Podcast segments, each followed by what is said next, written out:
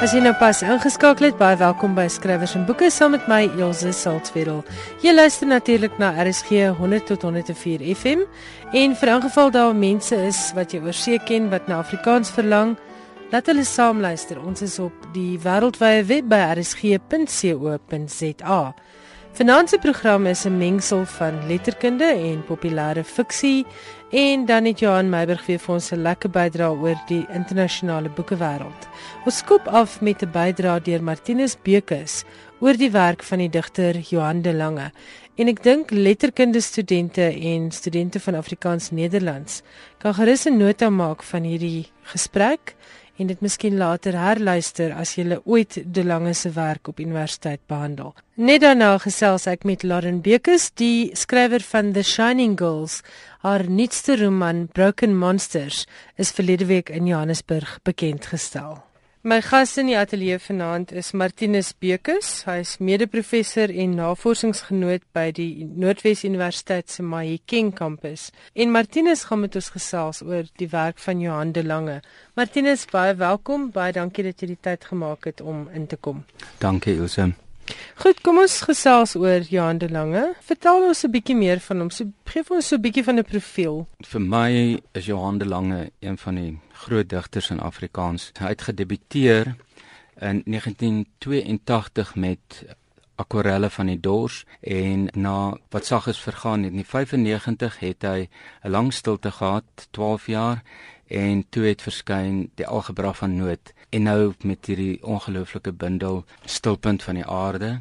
Ek kom met jou hande lange identifiseer in 1982 tweede jaar op Potchefstroom Universiteit baie naby aan aan dieselfde ouderdom maar sy werk het met my gepraat die vrye vers maar ook tematies was daar um, aansluiting tussen dit wat ek gevoel het dit wat hy verwoord het maar dit wat ek nie kon sê of verwoord nie. Verder wat jou hande lange vir my belangrik maak is sy bindels is aangenaam. Dit is op die uiterlike, die aanskoulikheid daarvan lok my. Die afgerondheid daarvan, die deurgekomponeerdheid daarvan. Jy tel 'n Johan de Lange bindel op en jy weet hier is kwaliteit. Hier is verryking, hier is afronding. Die Hertzogprys wat aan hom toegekend is, is bewys daarvan. Johan de Lange is 'n gekanoniseerde digter. Hy is een van die belangrikste digters. Hy word nagevolg. So ja, hy's vir my 'n kardinale karakter binne die Afrikaanse literêre stelsel. Miskien kan jy net vir ons al sy bundels in volgorde noem. Akwarelle van die Dors het in 1982 verskyn, 2 jaar daarna Waterwoestyn, um, 86 Snelgrys van Toom, 90 Wordende Naak, 91 Nagsweet, so jy kan sien hulle het redelik vinnig op mekaar gevolg en dan in 93 Vleiswond, 95 wat sag is vergaan en dan die stilte met um, wat opgevolg word met die algebra van nood in 2009 en dan Judas oog 'n keuse uit sy poesie wat in 2010 verskyn het en dan weerlig van die ongeloof 2011 en dan baie belangrik ook 'n volgende bundel Vaarwel my effens bevlekte held en dan nou die laaste bundel. Ehm um, so die die die stilte wat ehm um, opgevolg word deur weer eens 'n hele aantal bundels, merkwaardige bundels. Is daar bepaalde motiewe in sy werk? Met 12 bundels is daar 'n sekere bepaalde ontwikkelingslyn en is daar miskien verhoudings met ander kunstenaars en digters wat mense in sy werk optel?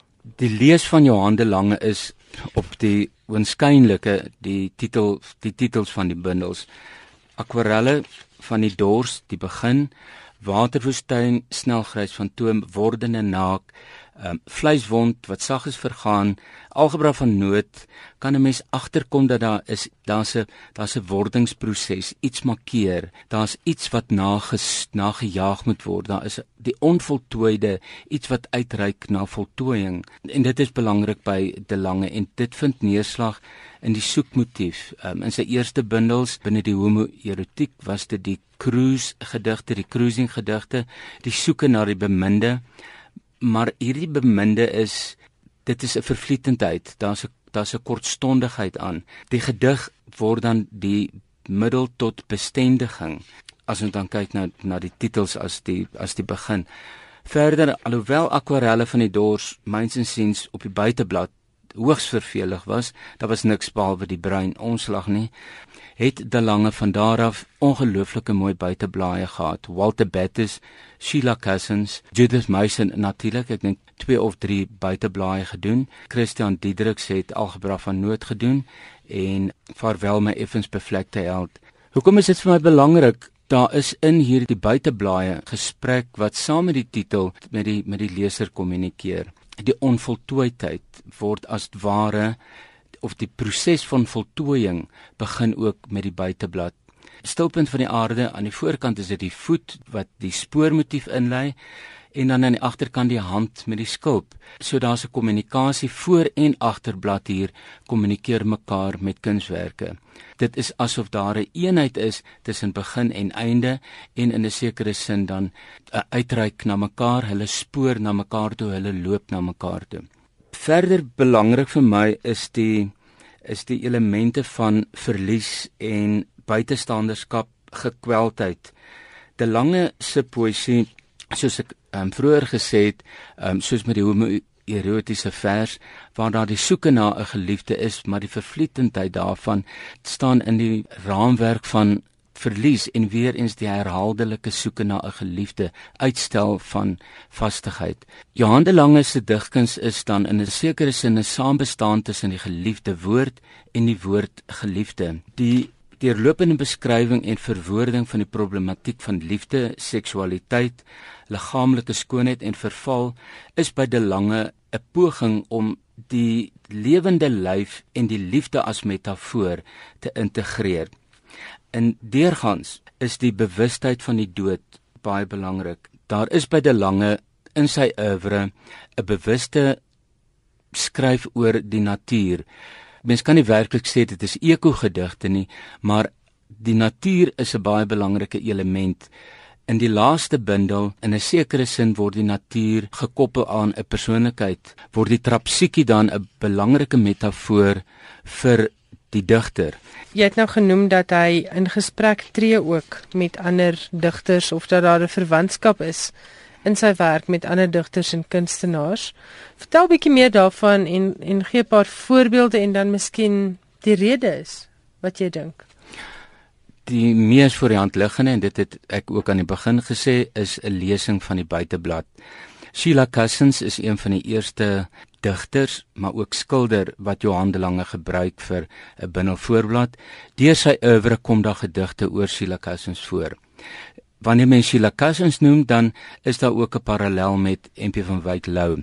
MP van Wyk Lou kan mens noem is die literêre voorvader van De Lange. Baie verse in De Lange se oeuvre word geïnspireer deur gedigte van van Wyk Lou. In die nuwe bundel ook daar is 'n aantal gedigte waarin um, van Wyk Lou genoem word. Wil jy vir ons 'n gedig lees wat verwys na hierdie verwantskap of gesprek met van Wyk Lou. Dit is 'n uh, aansluiting by miskien reeks gedigte wat in die Afrikaanse poësie dikwels herskryf word en dit is van Wyk Lou se vier gebede by die jaargetye wat ander digters die opperman met grondstowwe by die siklus van seisoene Antjie Krog wat daaroor gedig het in verweerskrif maar Johan de Lange in stilpunt van die aarde skryf oor dieselfde tema, maar hy noem dit duimsketse by die vier seisoene in Kaapstad. En dan dieselfde patroon, die vier seisoene, somer, herfs, winter en lente, waarvan vir my as ons in dieselfde seisoen kan praat, winter, hy sê dan sonder 'n draad aan staan die maan in my venster. Sy asem wasem teen die ruit my lappies kombers verloor in die koue lig sy kleur en straat aflos hers by blarepoot dit is wat hy doen by sy tegniek. Hy gebruik wel die die coupletvorm maar hy breek dan die versreël af sodat daar amper 'n dubbele vloei is. Daar's die enjambement, maar met die afkapping van die woord is daar hierdie hier amper dubbele vloei wat hy kry.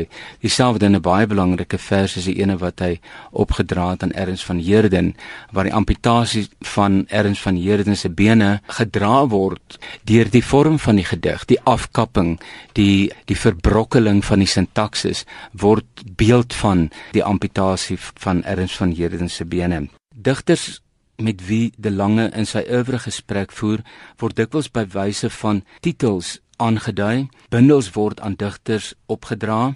Naas van Wyk Lou as literêre voorvader, is die rol van TT Kloete ook belangrik. De Lange skryf in Stilpunt van die aarde die gedig in coupletvorm Drome en biome vir TT Kloete na 'n droom Ek bly dankbaar vir die dae wat ek vry van plig of vrees, die vol dae wat ek by jou kon wees om te leer en te help en te snoei. Onder my hande het die droom ruig teruggegroei as biome. En dis dan nou vir TT Kloete. Dit het hy opgedra aan TT Kloete Wonderlik is dat TT Kloete ons merkwaardige 90-jarige digter aan wie De Lange hier 'n vers opdra en Kloete daarop antwoord as sy jongste bundel Karnaval en Lent met mag ek sê 'n uitstaande gedig wat aan Johan De Lange opgedra word. Met ander woorde daar's hierdie gesprek tussen ja, tussen ja, lewende digters. Ja, daar's 'n gesprek en dit is 'n opwindende gesprek. Is daar nog ander temas wat karakteriserend is van De Lange se werk? Soos vroeër genoem, verken De Lange nie alleen die wêreld en ervarings van homoseksuele liefde nie, maar ook die tematiek van liggaamlike skoonheid, kwesbaarheid en verganklikheid. Naas verse oor dood en selfmoord, skryf De Lange sterk gedigte oor kreatiwiteit en kunstenaarskap. Um, en daardeur poog hy om in en deur die vers aan die geliefde of geliefdes gestalte te gee. Tom Gous het in 1990 oor die lange se poesie die volgende karakterisering gemaak. Dit is net die wisseling van gestaltes, lywe seisoene, skien nagbesoekers van sy bed dat hy teen winter ingeënt kan word. Om die rede word elke vers amulet teen die finale swart kurasie van die dood. Juist deur hierdie werkwyse is die lange se gedigte 'n poging om gestalte te gee aan die vervlietende en verbygaande. Martinus, kom ons praat bietjie oor verlies. Dit is ook volgens jou 'n tema in sy werk en dan is daar pragtige herinneringsverse. Vertel bietjie meer daarvan. Die herinneringsvers, soos wat De Lange dit beoefen aan hand van die lijkgedigte, is ook 'n terugvind van die afgestorwene. Afgesien van die lijkgedigte is die spore van verlies van en aan mense dan die herinneringsvers. In Stilpunt van die aarde is daar vir my twee gedigte wat hierdie herinneringsvers onderskryf. En dit is Kaaitjie Piering, 'n stimulus van die geur van die Kaaitjie Piering as sleutel tot herinnering aan die digter se ouma. Die vers wat opgedra word aan Johannes Kerkorrel, die selfmoordvers, is ook 'n terugroep, maar een van die aangrypendste gedigte en dit is 'n aspek wat deur te lange se oeuvre voorkom, is die die verhouding tussen die biologiese pa en seun anders wat ons vroeër aangevoer het, die literêre voorvader. Hy het 'n aangrypende gedig geskryf, Daddy. Gaan jy dit vir ons voorlees? As deel van die afdeling verlore vaders is die derde gedig Daddy. Daddy. Ek onthou die dag toe ek na ons verhaal se slot kom soek het pa die eerste keer sedit jy so onverwags weg is so finaal. In my gedagtes bly dit gister toe ek alleen hier sit en blaai het deur die ouderwetse dood teruggister waarin elke verslaande naam opgeskrywe staan ook jou lewe deur datums met hakkies omraam soos die handvatsels met silwer beslag waaraan ek en jou broers jou gedra het na die tyd waar alle verlore vaders wag. Ja, dit is pragtig. Ietsie opsommend oor De Lange se werk. 'n Laaste woord en miskien 'n laaste gedig wat jy wil voorlees. De Lange se digkuns is berekend en beredeneerd. 'n Konstruksie met tekstuur waarin woord vir woord presies net soveel veerlig wit verplaas. Poesie is dus met reg die digter se wyse om die leser behoedsaam, maar ook met verwondering die woord soos 'n kontinent te laat binnetree, soos 'n ander werklikheid. De Lange se verdiende en gekanoniseerde posisie in die Afrikaanse digkuns is besonder vanweë 'n volgehoue sigbaarmaking van verhoudinge tussen mens en kosmos, mens en medemens, besit en verlies, broosheid, verganklikheid en verwonding teenoor herstel en heelmaking so 'n laaste voorlesing van 'n gedig of twee van Jan de Lange asseblief Martinus. twee klein gedigte weer eens die kwatryn wat 'n gesprek voer met mekaar binne bindelverband is klein variasie op die woord onthou en klein variasie op die woord einde. Klein variasie op die woord onthou. Teen die vergeet in probeer ons onthou. Probeer ons vashou.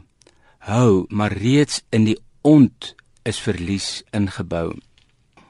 Klein variasie op die woord einde.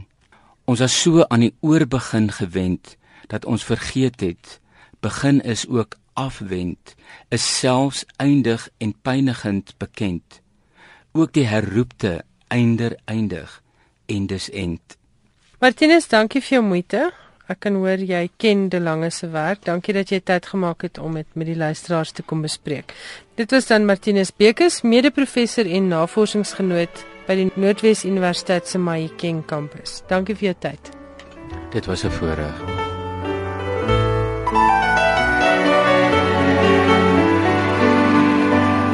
My gas vanaand in die ateljee is die veelbekroonde, veelvertaalde Lauren Bekes.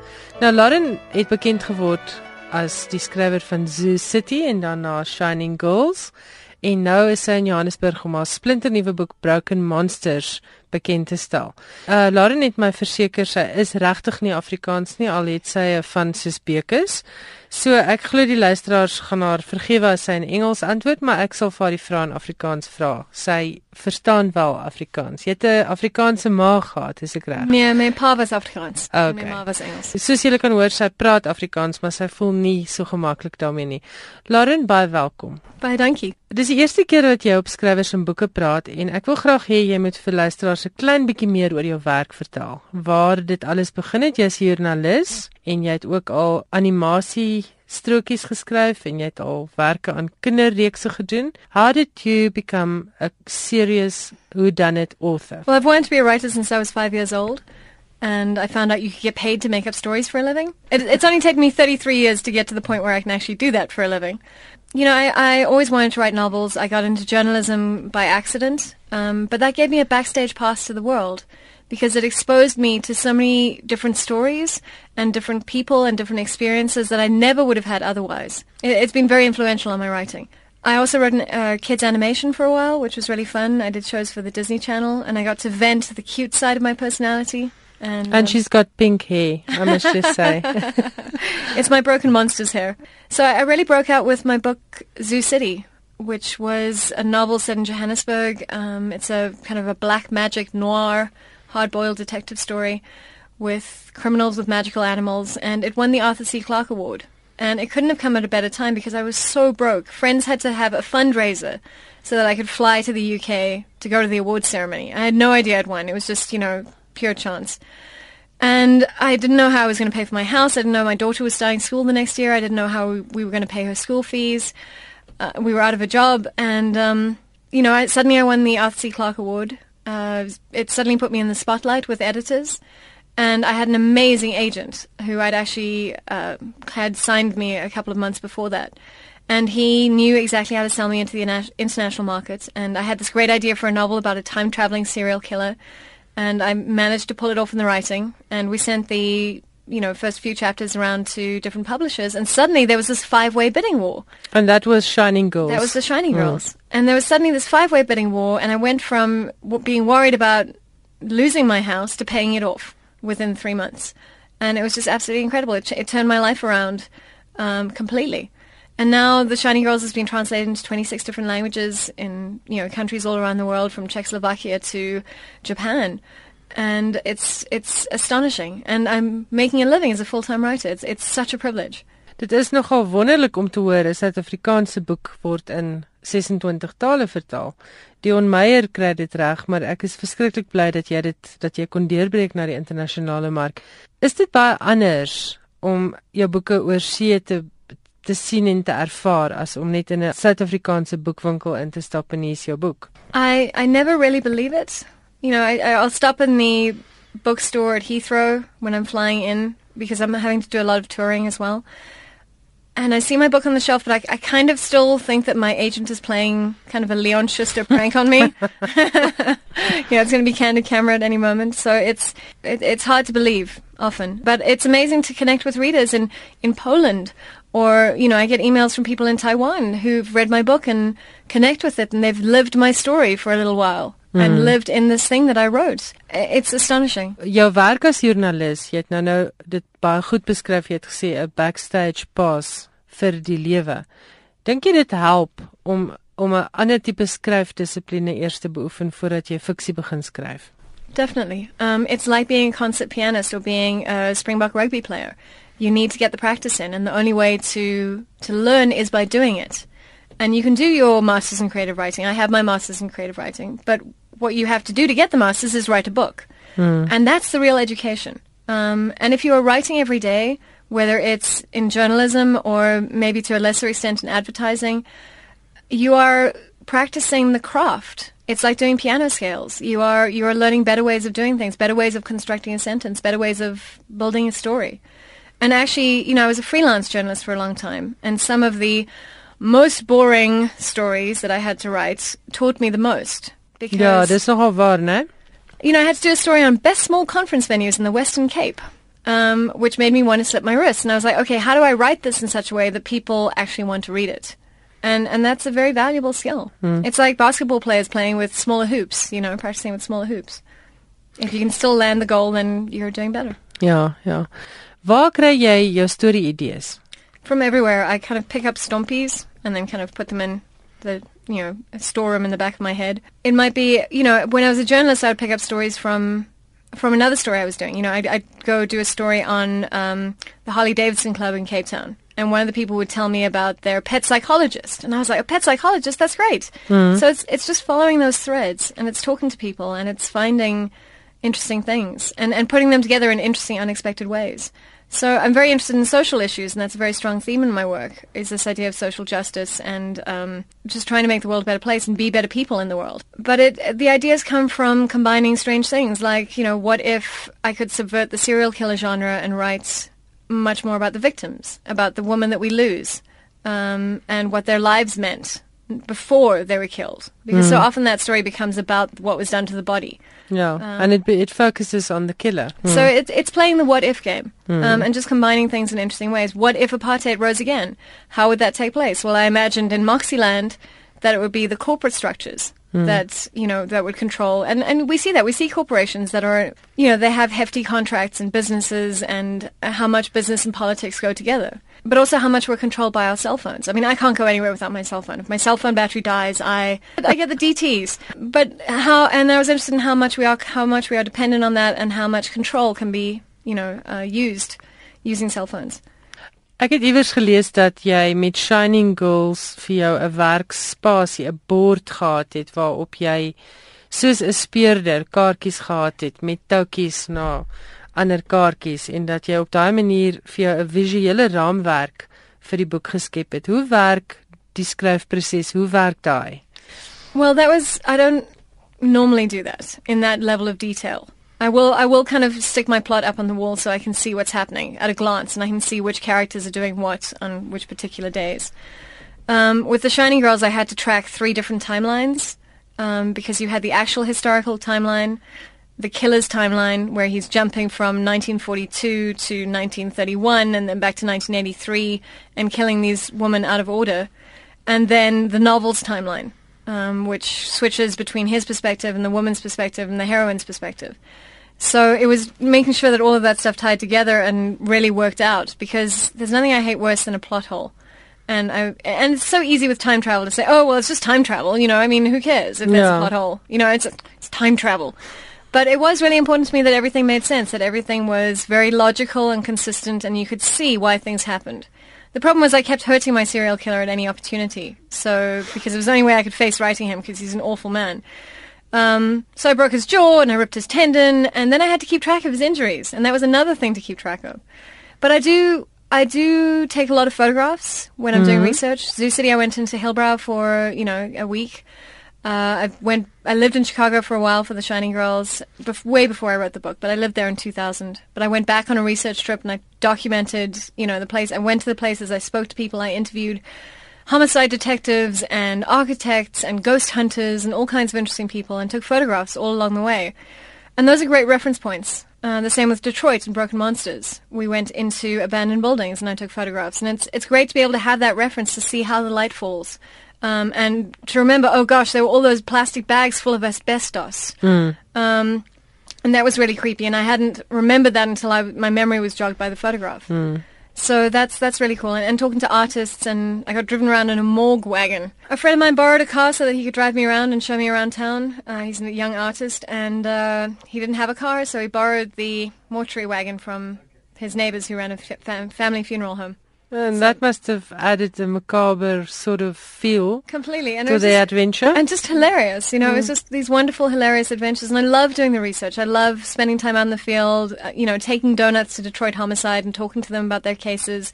I made a Detroit Homicide cop, um, Detective Gardner. I made him solve the case. I said, okay, the first body turns up, and it's this half boy, half deer. And it's lying, you know, in this tunnel full of graffiti. Um, and he's like, is it a black kid or a white kid? And I'm like, it's a black kid. He's like, hmm. Okay, first of all, I'm going to think it's either a taxidermist or a hunter, or maybe it's a race crime. And I hadn't even thought of the race crime angle, and I was like, oh, oh, race Let crime. Let me write that down. Yeah, no, absolutely, definitely. And then, and then I told him about the next body, and he and he solved it. You know, I told him I, I, I laid out the case for him and what happens, and he's like, okay. And he, it was amazing to see. It was amazing to, and to just talk to him about real police work and the kinds of things that they would do and how they would handle situations. It was so cool. It was amazing. Wat ek hoor is dat jy baie deeglik is. Yes. En en dit is dink ek wat jou werk ook so goed maak en maak dat mense jou oorsee raak sien. Het jy iets vir voornemende skrywers? Het jy iets te sê oor die deeglikheid en die presisie en die perfeksionisme wat nodig is om 'n goeie boek te skryf? Well, I think the most important thing is to actually abandon the idea of perfectionism in the first draft. Because we all aspire to be our favorite writers that we read. And none of us are that good. And we compare ourselves to those writers. You know, I, I look at the page and I'm like, oh, this isn't quite David Mitchell.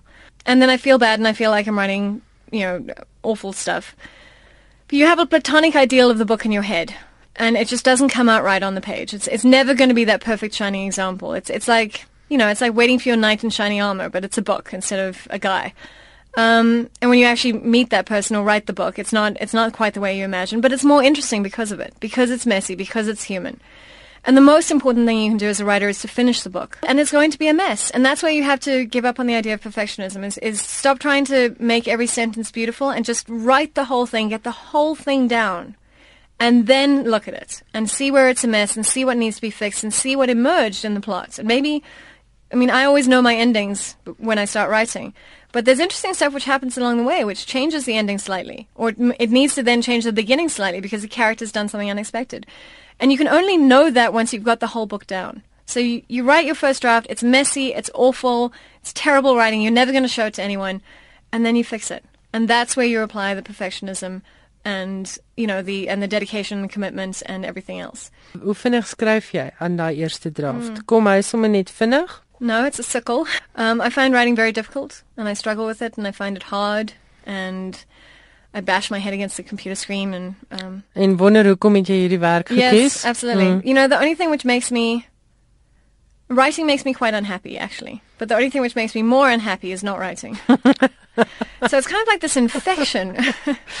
ja, dit is 'n siekte, nou dit is. you know, I love having written and when you get into the flow and when the words come easily, then it's wonderful. But a lot of the time you're just sitting at the keyboard forcing it out and it's really hard. Mm. Um, ja, skryf is maklik. Jy sit net agter jou rekenaar tot jy bloei. Exactly. Ja. Absolutely. And that blinking cursor is just blinking. En die groot wit spasie. Right, absolutely. But you just have to fill it. You just have mm. to fill it. And even if you fill it with rubbish, that's okay because you can fix rubbish. And rubbish mm. is always better than having nothing. Um, so I write, you know, I wrote my first draft in about, I don't know, eight months or so. I can do a thousand words a day, maybe two thousand words a day if I'm really in the zone and facing up against a horrible deadline. But yeah, you know, I, I write very lean. So I write the messy, lean first draft. Um, and it's, I mean, I think Broken Monsters, the first draft was, I think, 98,000 words. And then I send it out to my editors and to my readers, and they come back and they're like, I didn't really understand this part. And I'm like, oh, well, this is what happened. I'm like, okay, you need to actually put that on the page because it's not mm, in the book. Mm. It's in your head, but it's not in the book. And then I then I expand a book. So I write most people write long and then cut down. I write short and then pad out and flesh out. Okay. And then I also flesh out the descriptions and maybe I've got a very quick action scene and I go and I'll I'll choreograph the action scene and I'll think about the smells and the textures and you know the the, the sky that day. And, ja, dan kom die detail. Exactly. Ja. You know, so, some some chapters come out fully detailed. Others, I'm just in a rush to get them down, and that's okay. And sometimes I leave them sparse because sometimes you don't need more than that. You know, uh, some, it depends on your pacing. It depends what you what the chapter needs. But I'm I'm lucky to have really wonderful editors who you know really push me and and help me to make my work the best thing it can be. Ek is geïnteresseerd in die keuse van plekke waar jou boeke afspeel. Eerstens sê jy nou is Hillbrow, Zoo City is Hillbrow. Mm -hmm. Shining Girls is Chicago en dan is Detroit nou die die plek waar Broken Monsters afspeel. Hoekom hierdie spesifieke plekke? Because they're interesting cities and they remind me of Johannesburg. My first book was actually Moxieland, which was set in Cape Town, but I'm very interested in Johannesburg. I'm very interested in Hillbrow. Um, I'm in- interested in places that are tricky, that are complicated, that have a clash of culture and socioeconomics and race issues and gender issues and everything else. It's it, it's that's where things happen. And Chicago, I, I set The Shining Girls in Chicago because it's about a time traveling serial killer in the 20th century. And if you made if you wrote that in South Africa, it would immediately become an apartheid story.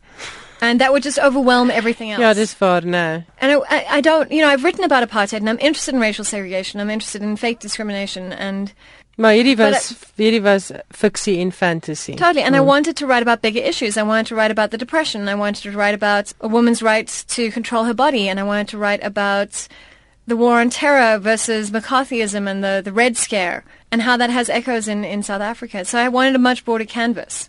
And Chicago, we like to think that we're special in Joburg. Um, or in South is Africa. nie that we have that we do corruption and crime best, but uh, Chicago has ex mayors in jail. They're one of the most racially segregated cities in America. They have safety corridors to try and get kids to school safely from the south side without getting shot. But we see Manhattan, you know, we see mm, Manhattan mm, in the mm. movies.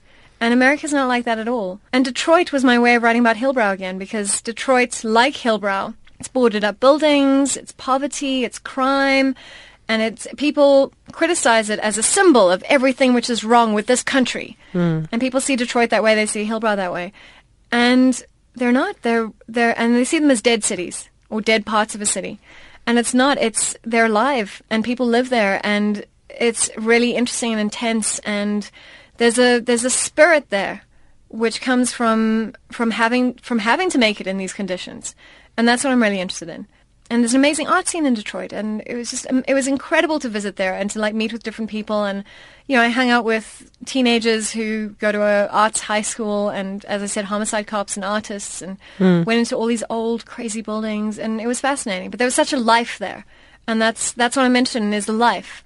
And I think with the contrast of this kind of what we perceive as a dead city, and to find the life in that is really exciting. Dis 'n aardige vraag om te vra, maar werk jy nou aan iets? I've just sent some pitch, new pictures to my agent yesterday. Um, I'd really like to take a break, but um, I think the big thing is to. I can't write a book a year. It's too much for me to handle, especially when I have to travel so much. So we've agreed that I'll write a book every two years. So you're going to have to wait for my next one. Maar intussen kan ek Broken Monsters aanbeveel. Dit is beslis 'n merkwaardige boek. Dis wonderlik dat 'n Suid-Afrikaner die idee gekry het. Dit is om nou die Engelse term te gebruik fast-paced, baie interessante karakters. Die moorde is baie uniek en baie grieselrig, maar ek kan nie wag vir jou volgende boek nie. Baie Dankie vir die gesprek. You. So gesels Lauren Bekes oor haar nuwe boek Broken Monsters. Dit word uitgegee deur Omotsi en kos R200 vir 'n lekker dik thriller van 400 bladsye. Ek hoop jy geniet dit. Jan Meiberg is in die ateljee met 'n hele hotspot van lekker nuus uit die internasionale boekewêreld en party van dit is half komies van van tragiesheid, né Jan? Inderdaad so.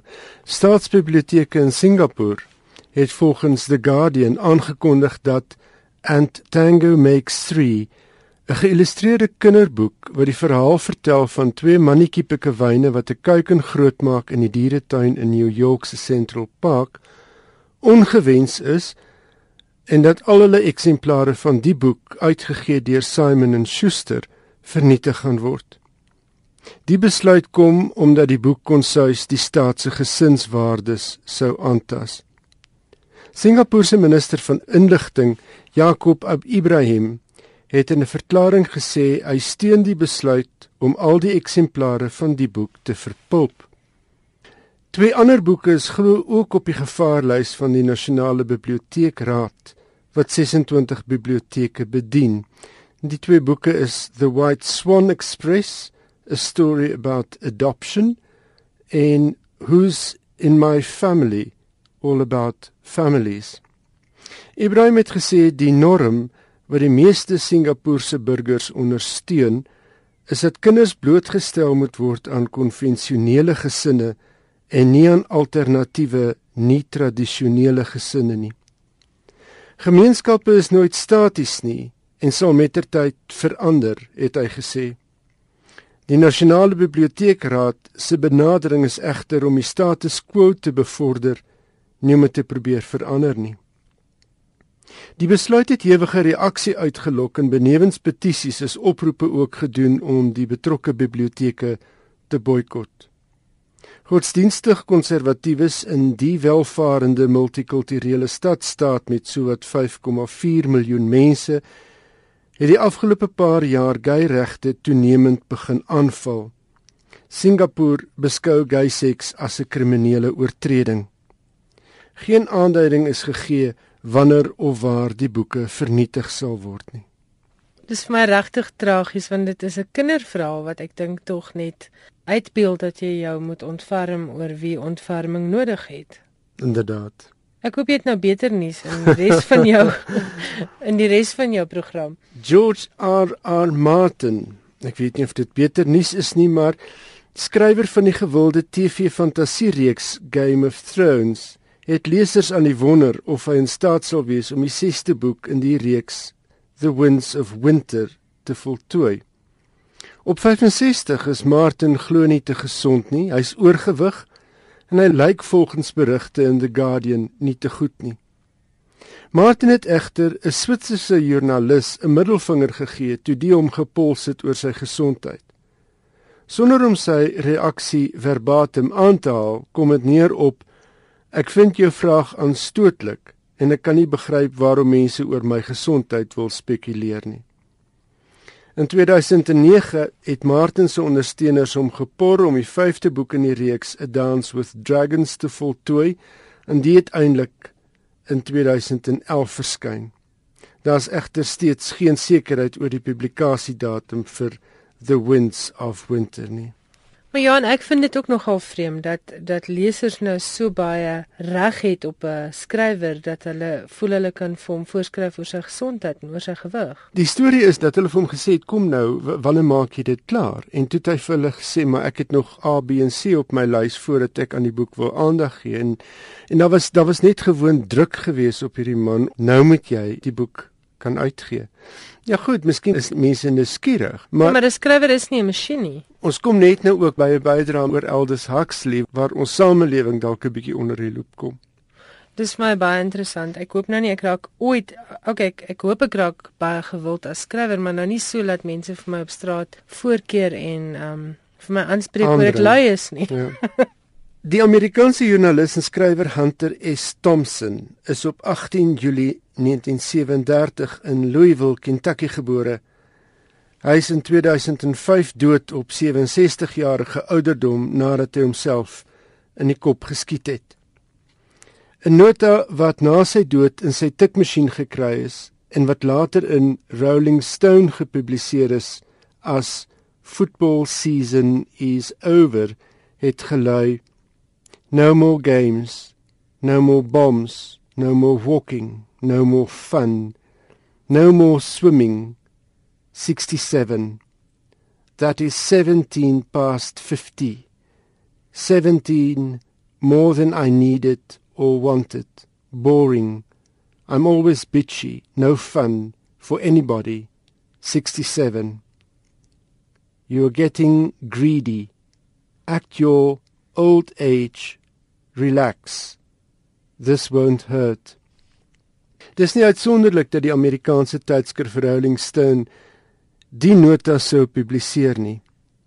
Thompson het deur die jare gereeld bydraes, stelle daarvan met sport as onderwerp, ander oor die Amerikaanse politiek gelewer. As joernalis het Thomson benewens sy stories 'n benadering tot journalistiek geleef wat bekend gestaan het as die sogenaamde gonzo, 'n eksperimentele styl waarin die skrywer as dit ware die sentrale figuur in die artikel word. 'n Styl wat sinsdien wyd nagevolg is, dikwels met mindere sukses. Nietemin Thomson se maniese eerste persoonsvertelling was in 1970 grensverskuivend en het lesers se verbeelding aangegryp.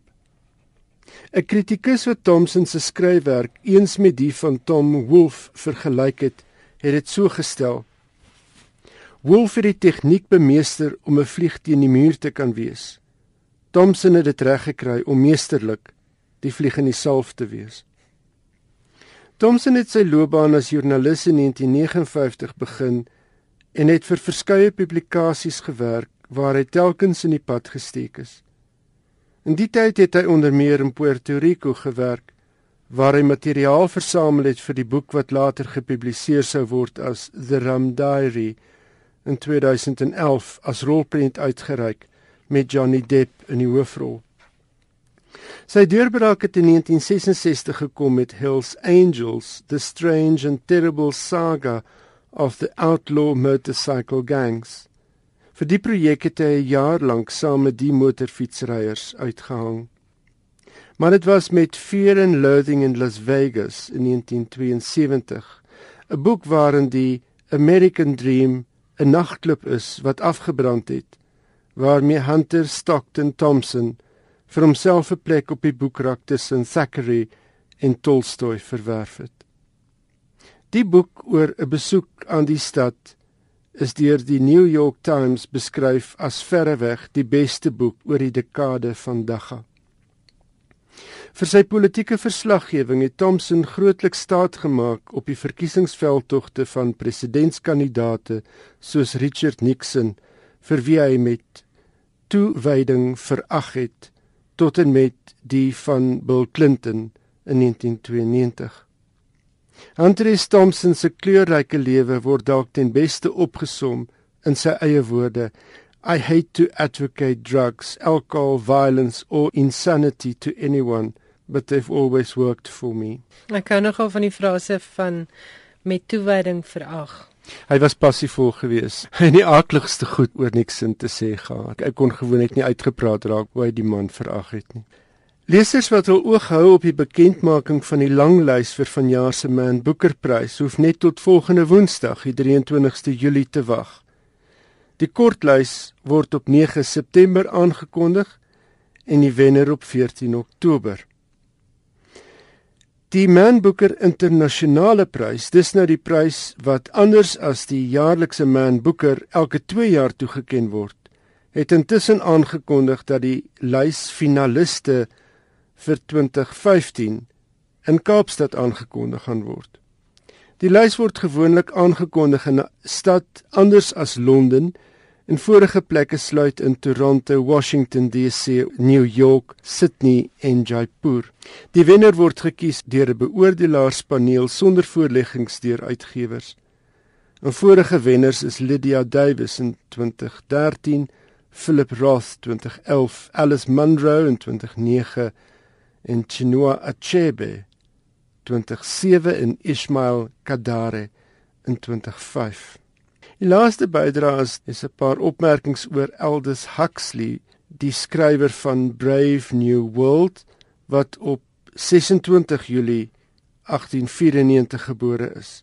Hy het 'n groot deel van sy lewe in Los Angeles deurgebring en is daar oorlede in 1963. Huxley was deel van 'n uitgebreide Victoriaanse familie skrywers, digters en wetenskaplikes. Na sy opleiding aan Oxford se Balliol het hy skool gegee by Eton waar onder andere ene Eric Blair, later bekend as George Orwell, 'n leerling van hom was. Tydens die Eerste Wêreldoorlog, Huxley was halfblind in een oog, het hy gewerk as arbeider op Gassington Manor die landgoed van Lady Ottiline Morel en daar het hy uiteraard kennis gemaak met die lede van die Bloomsbury groep mense soos Lytton Strachey, Duncan Grant, Vanessa en Clive Bell, Virginia Woolf en ook Bertrand Russell, die filosoof. Daarna het hy in die 1920s gewerk by die tegnologies gevorderde chemiese aanleg van Brunner en Mond in Teesside waar die saadjie waarskynlik geplant is vir die openingstonele van sy Brave New World van 1932. In 1937 is Huxley en sy gesin na die FSA waar hy in Hollywood as skrywer inkomste verdien het. Hy het byvoorbeeld meegewerk aan draaiboeke vir rolprentweergawe van Pride and Prejudice in 1940 en Jane Eyre in 1944. In die FSA het hy vriende geword met Krishnamurti, wie se Upanishad gesentreerde filosofie hy begin aanhang het. In 1949 het hy aan George Orwell kort na die publikasie van diese 1984 geskryf: Ek glo dat wêreldleiers in die volgende geslag gaan snap dat narkohipnose meer effek het as tronke en dat 'n mens met behulp van suggestie net soveel welslaag kan behaal as om mense te tug tot gehoorsaamheid. In die 1950s het Huxley met LSD begin eksperimenteer. En die ervarings het neerslag gevind in die essays The Doors of Perception en Heaven and Hell. Huxley se dood op 22 November 1963 het haas ongemerk verbygegaan. Dit was ook die dag waarop John F Kennedy dood is. Met sy Big Brother uit 1984 en die realiteitsfenomeen wat onlangs TV getref het, is dele van George Orwell se werk dalk bekender as Aldous Huxley se distopiese skryfwerk. Maar dit maak Huxley se lesing van die toekoms, min of meer waar ons vandag is, nie minder relevant nie. In 1985 al het Neil Postman oor die effek van TV geskryf in sy boek Amusing Ourselves to Death. Huxley was duidelik in Postman se agterkop en hy het Huxley aldus aangehaal. Mense sal versot raak op hulle eie onderwerping aan die tegnologie wat hulle daarvan beroof om te dink. Huxley se Brave New World met sy Soma tablette wat jou met een op 'n vakansie stuur. Feelies as 'n opvolging vir movies en beheptheid met aromaterapie lewer vel kritiek op 'n wêreld waarin sinlose pret hoogty vier. 'n Wêreld waarin nuus, politiek, wetenskap, kuns, godsdiens opgemaak word in vermaakpakkies. 'n Wêreld van kondisionering en een waarin oorspronklike en kreatiewe denke verdag geword het. Luisteraars wat belangstel om Huxley onder oë te kry, kan uitkyk vir Chrome Yellow van 1921 waarin hy die laat-viktoriaanse lewenstyl van die Britte karikaturiseer en natuurlik die vernuftige Brave New World van 1932. Dit is baie interessant, dit is nou amper wat's dit 90 jaar gelede en hy sê ook 'n klomp goed eintlik wat nou wat mense op sosiale media van toepassing kan inderdaad so. En selfone en die vloedgolf van tegnologie wat ons lewens beheer. En die ongelooflike sug na vermaak en happy groote inligting. Ek het eh, 'n week of twee terug het ek Brave New World weer gelees en dis net jy jy rol gewoon om om jouself te her, of die tyd waarin ons is te herken geskryf deur 'n man in 1932 is absoluut ongelooflik. Johan baie dankie. Dis altyd baie lekker om na jou te luister En met daardie bydrae van Johan Meiburg het ons ongelukkig aan die einde van Finanse skrywers en boeke gekom. Baie dankie dat jy saam geluister het. Volgende week maak ons weer so en dan is ek hopelik terug met 'n klomp lekker bydraes van die Vryfees in Bloemfontein. As jy in die Vrystaat is en as jy spesifiek in Bloemfontein is hierdie week, moenie die hele klomp lekker boekgesprekke wat gratis by die Vryfees aangebied word misloop nie. As jy vir ons 'n e e-pos wil stuur, ons adres is skrywersenboeke@rsg.co.za. Die SMS nommer is 3343 en elke SMS kos R1.50. Gratis SMS'e is ongelukkig nie van toepassing nie. As jy 'n gedeelte van Finansie program misgeloop het of as jy net weer wil luister na Finansie program, dit is op potgooi beskikbaar op ons webwerf rsg.co.za. Nou ja, daarmee groet ek Elsje Salzwetel dan tot volgende Woensdag aand. Maar moenie weggaan nie, bly ingeskakel op die res van Finansie RSG programme. Dis 'n baie lekker manier om gesellig en warm te bly op hierdie koue wintersaand. Totsiens.